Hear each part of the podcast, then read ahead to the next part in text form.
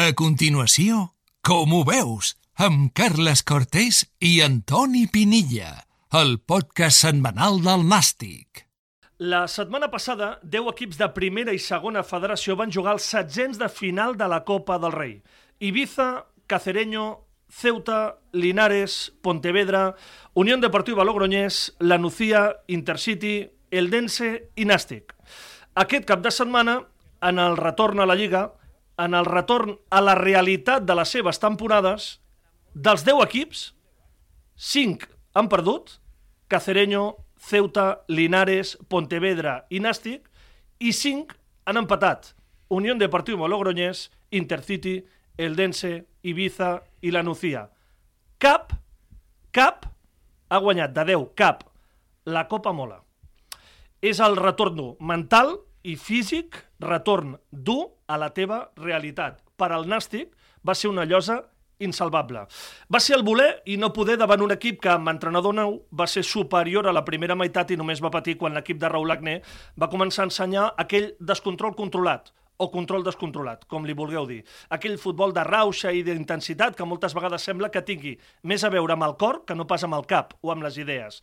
Vam tornar a veure alguns dels vicis que estan fent que el Nàstic sigui un equip irregular, de dues parts, de dues fases, de dues imatges, de dues intensitats. És el blanc o el negre. I costa molt trobar el gris. No el trobem. El gris seria la regularitat. Tot i això, com la temporada passada, l'equip està allí, a la zona pròxima als objectius, amb opcions de tot, i quan diem de tot és de tot. Costa entendre per on transita el nàstic futbolístic, però el nàstic classificatori està allà, bordejant el precipici, bordejant també la desesperació total dels aficionats que veuen un nàstic sublim a la Copa i un nàstic molt millorable a la Lliga. El 2023 comença de la mateixa manera que acabava el 2022. No però sí, però sí però no. Està claríssim, oi? Com ho veus? És el podcast setmanal del Nàstic de Ràdio Ciutat de Tarragona.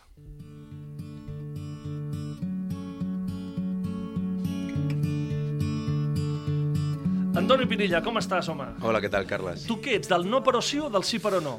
Jo, com que intento sempre ser optimista, el, el no però sí. El no però sí.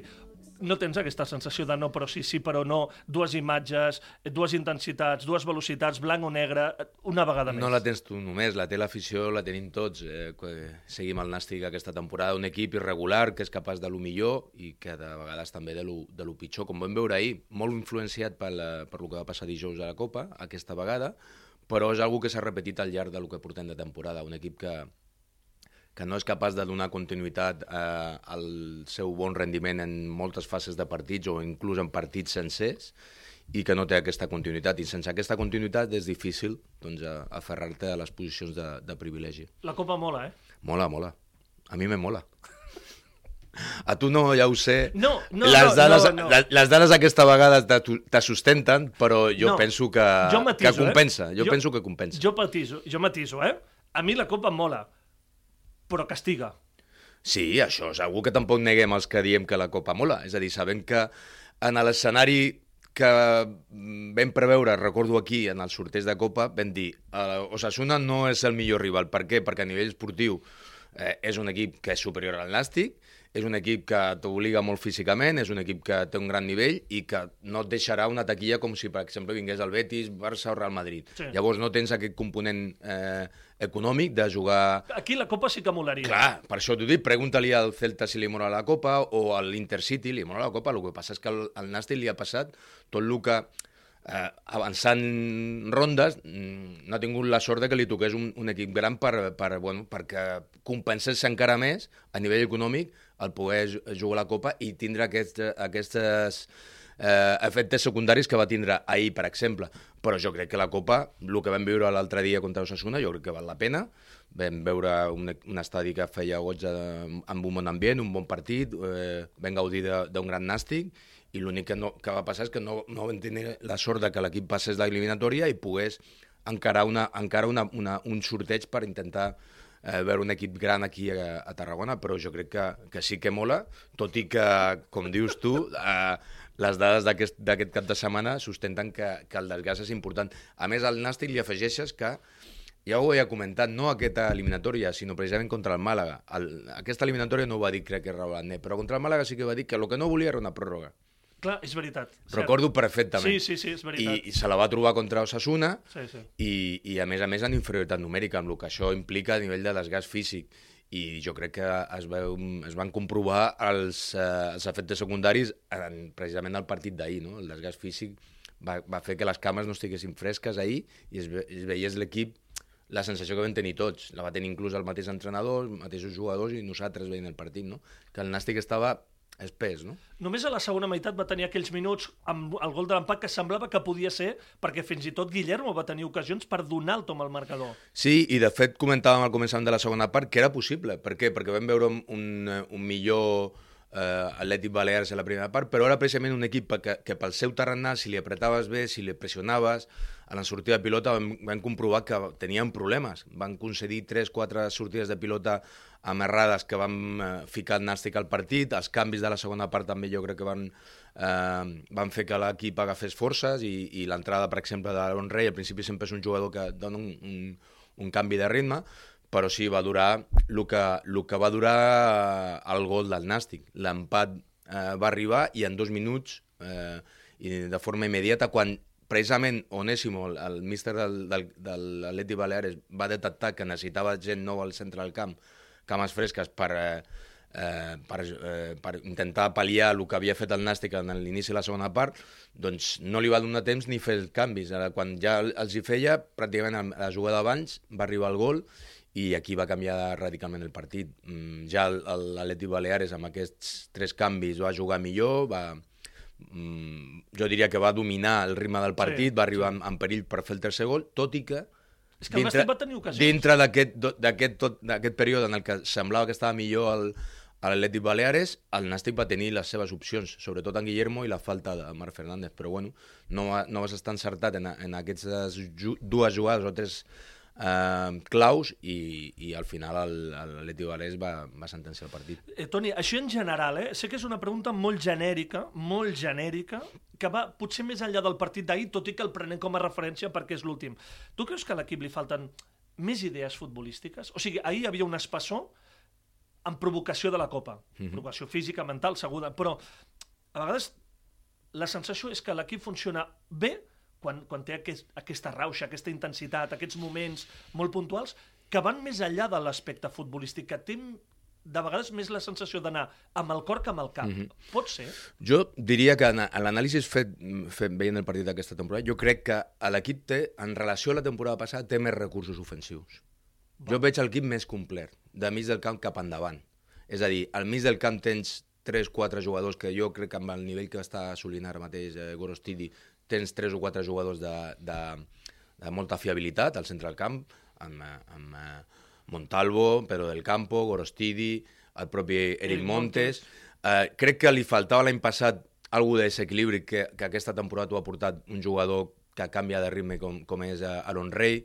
Potser manca una mica més de participació de jugadors del perfil de Pochettino o, o Andy, que no tenen continuïtat, però jo crec que a nivell de delantera, ara amb l'aportació tant de, de Marc Fernández al costat de Pablo i de, i de Guillermo, jo crec que l'equip és més complet, i quan l'equip té aquestes rauxes, sí. aquestes arrencades, jo crec que té més possibilitats de fer mal, perquè és un equip més complet en atac.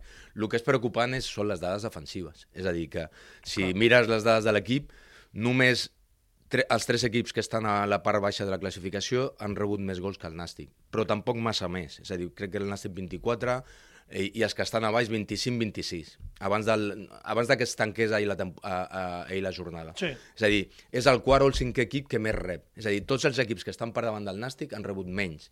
I això és algo que definia la temporada passada del Nàstic. Era un equip que, eh, que, que es tancava bé, és a dir, que tancava bé a nivell defensiu. Ho hem destacat molt aquesta temporada. El, sobretot les centrades, eh, les jugades dintre de l'àrea pròpia no les tanca tan bé com la temporada passada i això està penalitzant molt. Les dades estan aquí i jo veig un equip més complet, amb més recursos a nivell ofensiu, del mig del cap cap endavant, però molt més eh, feble, més, més vulnerable a nivell defensiu, sobretot en el que són jugades a, dintre la seva àrea. I d'idees de joc? Bueno, idees de joc, bueno, crec que és un equip que, que al llarg d'aquesta temporada ha demostrat que quan ataca, com he dit abans, ho pot fer, potser amb, amb aquesta sensació de que ho fa per empenta amb cor, però jo crec que ho fa amb, recursos. Té, té, té armes per fer mal a l'equip contrari. Ara bé, crec que el que està, el que està eh, fent que, que veiem aquesta irregularitat, sobretot, és la, la manca de, de fiabilitat defensiva. I ahir ho vam tornar a, a, a comprovar, perquè el primer gol no és una, una jugada aïllada, perquè precisament un minut abans te van fer el mateix, El mateix. en fora de joc per, per molt poc. És a dir, te van entrar amb, un, amb una passada filtrada entre dos centrals, és a dir, de vegades és unes entrades de, fo- des de la banda que no defenses bé l'àrea, però sempre pel carril central. No? Jo crec que és una constant avui, avui aquesta temporada. El segon gol massa fàcil, el tercer també, és a dir, potser ja una mica fruit del cansament. Però la primera part, jo crec que el gol defineix una mica els problemes del Nàstic aquesta temporada pel carril central, que és el carril on has de, on es defineix tot dintre de la, de la zona defensiva, no? És a dir, normalment pots tenir problemes per fora, però normalment on te fan sempre els gols és, és per dintre. I el Nàstic és una constant d'aquesta temporada. Um, no tant els problemes ofensius, que jo en aquest sentit, entre cometes, estic menys preocupat, perquè intueixo i he vist que el, els ha posat sobre la taula aquests recursos ofensius que té l'equip, però sobretot em preocupa no ja que, que, que no sigui l'equip fiable de la temporada passada, que no ho és, sinó que és massa vulnerable per aquest carril central, tant en les entrades de l'àrea com filtrant passades com ahir. Mentre argumentaves tot això, estava buscant les dades precisament de gols en contra, 24 el Nàstic 24. gols en contra en 18 partits, i és veritat, eh? Zona baixa, el Cué, 25, el Calahorra, 25. Clar, ells el problema el tenen que no fan gols, Clar. només han fet 13. Però 27 al Bilbao Atlètic, eh, per tant, 3 més només que el Nàstic. Atenció, el Logroñés està en descens, 19 gols, només ha rebut 19 gols. És molt Nacho González d'això, tot i que Mm. fa molt poc, eh, que ha arribat Nacho González de la banqueta de la Unió Deportiva Logroñés, però Intercity 21, és que és veritat, això que deies tu de... Tots els que estan per davant del Nàstic no han rebut això. a No, no, mira, i, i mira que... 14 el Dense líder, 14, eh? O sigui, 11, 10 menys, 10 menys. 15 Castelló, 15 Múrcia, 19 eh, Sanse, 19 Promeses, 15 Morevieta, 16 Numància... I és curiós el que, el que comentes del, del, del Logroñés, diu, és molt de Nacho. Però no, fa- fa poc, eh? Fa sí, sí, poc ha però, arribat, eh? però potser la temporada passada eh, l'equip era molt de- d'acné en el sentit de que, clar, si estàs sempre ficat a la teva àrea i defensant a molta gent, és difícil que et facin gols. El problema el tens endavant, davant, no? que era el problema que tenia la temporada passada. Aquesta temporada tens, més- tens més recursos ofensius, potser l'equip pot fer més coses en atac, però es ressenteix la línia defensiva però no tant perquè t'agafin en contres o perquè estiguis desorganitzat, sinó perquè en jugades que has de tenir controlades, sobretot ja entrades des de fora de l'àrea, des de banda, aquesta temporada no les has defensat bé. Jo no crec que tingui tant a veure amb que, bueno, com que he, he, fet un, un, un pas Un pas endavant, endavant. cap a, per fer per fer més ocasions, per generar més en atac, en ressenteixo en, en defensa. No crec que sigui això. És a dir, no li han agafat masses eh, opcions al Nàstic a la contra o desorganitzat perquè s'ha desplegat en atac. És a dir, són jugades de fase defensiva les que estàs organitzat però no defenses bé la teva àrea. És a dir, no crec que tingui tant a veure en què l'equip ha fet un, un canvi de xip, a, a, a, aposta per, per, eh, per fer més per ser més productiu en atac i això li penalitza en defensa, sinó jo crec que és una qüestió de que no defensa bé situacions determinades de joc que sí que hauria de defensar i que la temporada passada ho feia. Eh, Toni, algú pot dir, ostres, que faltaven molts jugadors. No hi eren Eric Montes sancionat, Montalvo sancionat, Pablo Fernández en el limbo, perquè la veritat és que no sabem el tema de Pablo Fernández, ara ho, ho comentarem, tampoc hi havia Robert i Trilles. No tinc tampoc la sensació que sigui... És que vam notar faltar no sé quin jugador quin altre, eh? perquè l'equip està a un nivell de jugadors... Sí, però això, com comentàvem abans, dels recursos, jo crec que l'equip té 20, 20 jugadors que poden ser titulars. Sí, sí. Visualitzes Sí, la- l'alineació d'ahir, podia ser perfectament al començament de temporada. La defensa, els dos centrals que en principi podien ser titulars, eh, Quintanilla i Josema, i el doble pivot que en principi tu en el teu cap podies pensar que era d'inici de temporada en, eh, en Gorostidi i Pedro del Campo. Sí que és cert, quan s'acumulen baixes, l'equip ho nota, i més quan ve de, de jugar Copa amb una pròrroga i tres dies abans. Però jo crec que si hi ha baixes d'aquest tipus, les comencen a notar quan, quan s'acumulen en dos, tres, quatre partits que no, no pots gestionar minuts.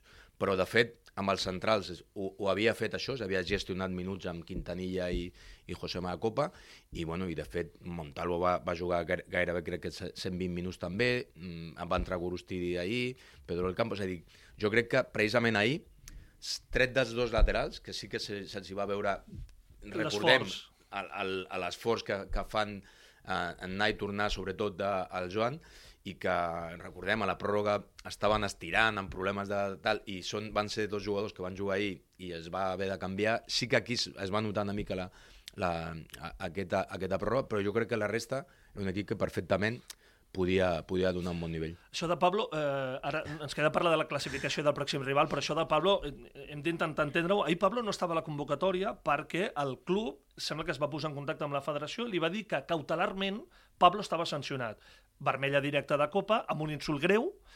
Això, segons el reglament, serien de 4 a 12 partits. Però ningú va sancionar a Pablo Fernández. O sigui, Pablo Fernández oficialment no està sancionat. Sí, perquè no s'ha reunit el No, comitè. clar.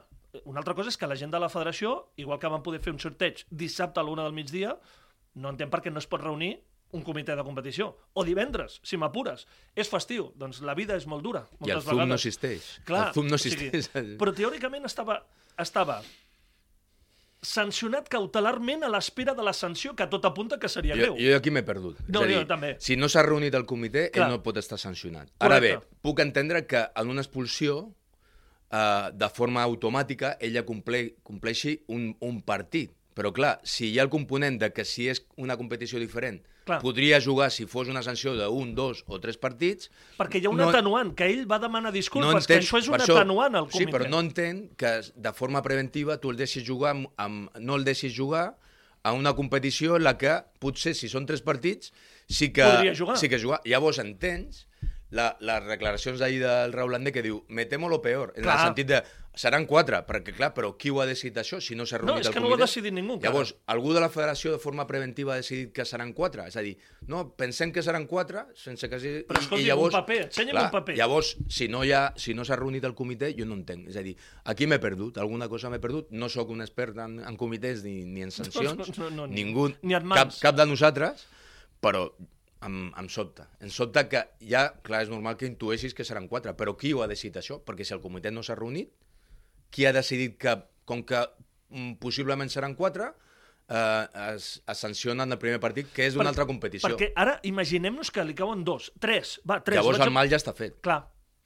Com, Eh, com Això que vam veure la setmana passada, de que, de que eh, mm, protegint el dret del, del propi Lewandowski del Barça de que A jugar. pogués jugar un partit, a lo millor, i aquest, cas, aquest cas sí que era claríssim, perquè el partit el tenia segur per una expulsió a la mateixa competició. És a dir, aquí van protegir un dret que, evidentment, per mi no existia, perquè el partit ja el tenia, contra l'Espanyol no havia de jugar, i en aquest cas sí que hi ha canvi de competició i algú decideix que la, la, aquesta, aquesta sanció preventiva, no? aquesta cautelar, és per desprotegir el nàstic Sí, sí. del seu dret, de que a, a lo millor sí que existia el dret de que es jugués aquest partit, perquè era una competició diferent, i els partits podien ser un, dos o tres. Això implica que seran quatre, però qui ho ha decidit això? Clar. Eh, aquests O el, com, el comitè no. No, no, està clar. I hauria, no, de ser el no s'ha comi- reunit. I hauria de ser el comitè. Clar, aquests dos últims minuts de, de com ho veus, eh, potser cauen... Pa... si algú ens argumenta... No, no, és que això s'ha de Sí, sí. per això... Esperem, esperem que algú ens ho digui Però i ens tregui no- d'aquesta inòpia. I amb tot això no volem dir que en Pablo haguéssim guanyat o No. que perquè no hi va ser Pablo van perdre, eh? No té res a veure una cosa amb l'altra. Té a veure amb dir, escolta'm, eh, si no està sancionat encara perquè no s'ha reunit el comitè, aquest senyor pot jugar i, escolti'm, en comptes de complir, si n'ha de complir quatre a partir d'aquest dia, els complirà a partir de l'altre dia, perquè quatre els haurà de complir si és que li cauen quatre partits, insistim, eh? Però bé, eh, Toni, dues coses per acabar. Tot i aquesta sensació de agre que ens ha deixat la primera jornada de Lliga el 2023, estem allà, a la classificació, dos punts de la promoció, Bueno. i a sis del primer. És que està tot molt igualat. Clar. És que no, no, no, no diem res de nou si, si diem que, bueno, que el, les ensopegades com la d'ahir no, no penalitzen tant en el sentit de que si és capaç de mantenir una certa regularitat, que no ha tingut l'equip fins ara, doncs eh, seràs capaç de ficar-te dalt de tot de la classificació. Però sí és cert, ara estàs a, a, pràcticament a mitja competició i estàs a mitja taula. És a dir, estàs en novena posició, a 6 punts del primer, a ci- a 5 punts de, del descens i tot obert. És a dir, de cara a el que és eh, la fase decisiva de la Lliga. Veurem quins són els equips que acaben en aquesta, en aquesta segona volta fent el pas al davant. El Nàstic jo crec que està en disposició de fer-ho. Té una bona plantilla. Ara té aquesta setmana per, per netejar una mica a nivell mental i a nivell físic i veurem com, a, com arrenca veritablement aquest eh, 2023, perquè si analitzem el partit de- d'ahir està claríssim que està molt condicionat per, pel partit de Copa. Llavors, oblidem una mica aquesta fase de dos partits i comencem entre cometes 2023, a veure com, com està l'equip, com evoluciona, com recupera gent, a nivell de sancionats, de, de, de lesionats, i si jo crec que si disposes de tota, o, o la gran part dels seus efectius a, a Rolanet, té una molt bona plantilla per competir a bon nivell en aquesta categoria i ser aquell equip que aconsegui, aconsegueixi eh, agafar tres, una ratxa de 3-4 partits eh, amb bons resultats, no, no t'he dit de guanyar 3-4 partits seguits, t'he dit de fer 9-10 punts en, en 3-4 partits, un 4, per exemple, i, i això jo crec que faria un salt a la classificació, donaria confiança i començaríem a veure el Nàstic allà on, on esperem tots. Però sí que és cert que um, això serà llarg, és a dir, hi haurà, sí, sí. hi haurà d'altabaixos, no, no, no espero un Nàstic que, que faci aquesta, aquesta ratxa de, de grans resultats amb, amb 7, 8, 9 partits, ni al Nàstic ni a Ni cap ningú. equip. És a dir, no veig el Castelló en aquesta línia, el Murcia tampoc, l'Eldense és el líder però tampoc agafa aquesta línia, és a dir, que veurem eh, quin és l'equip que resisteix més en aquest final de temporada i al final arriba en, en bon moment. Tot es tracta de que el- els últims partits, 10 partits, jo crec que se resoldrà una mica tot. L'última, dissabte 7 de la tarda, Cornellà Nàstic, es juga al camp de l'Espanyol, no juga al municipal de Cornellà. Recordeu que aquesta temporada no es pot jugar en camps de gespa artificial i el Cornellà juga en camp de gespa natural, que és el camp de l'Espanyol. Millor o pitjor pel Nàstic? Home, jo crec que millor. Quan anem a Cornellà no ens agrada veure un camp de llest artificial en el futbol professional i, i no ens agrada veure un, veure un camp petit. És a dir, tot el que sigui jugar en un, un estadi com a Cornellà jo crec que és positiu pel futbol, per la competició, pels futbolistes, per l'entorn, per tots. Ara bé, eh, pensaven que el Cornellà potser eh, eh, bueno, eh, patia una mica aquest canvi de, de camp i de moment estan allà Mira, a una bona nostra, a posició, dos punts. a dos punts, és a dir, estan competint com sempre, és a dir, que allò que diem sempre de, bueno, per, estan allà pel seu estadi, bueno, veurem com, com acaba la temporada pel Cornellà, però en principi estan competint igual que competeixen sempre i serà un partit difícil, tot i que per mi eh, és molt millor i no, no dic un avantatge pel Nàstic, però sí que jo crec que és millor per tots, tant pel Nàstic com pel Cornellà, el jugar en un estadi com a Cornellà del Prat. Això serà dissabte a partir de les 7 de la tarda, ho explicarem en directe a Ràdio Ciutat de Tarragona. Eh, Toni, ens retrobem dissabte vinent i dilluns vinent. Perfecte, el... aviam com va. Com ho veus? Divendres ja ho sabeu, avant Nàstic amb l'Eric Rosique, dissabte a les 7 la transmit del Nàstic al camp de l'Espanyol, Cornellà Nàstic, i dilluns tornem a com ho veus. Gràcies, Toni. Gràcies. Like in New York City? I'm a thousand miles away, but girl, tonight you look so pretty, yes you do. Times Square can shine as bright as you. I swear it's true. Hey there, Delilah, don't you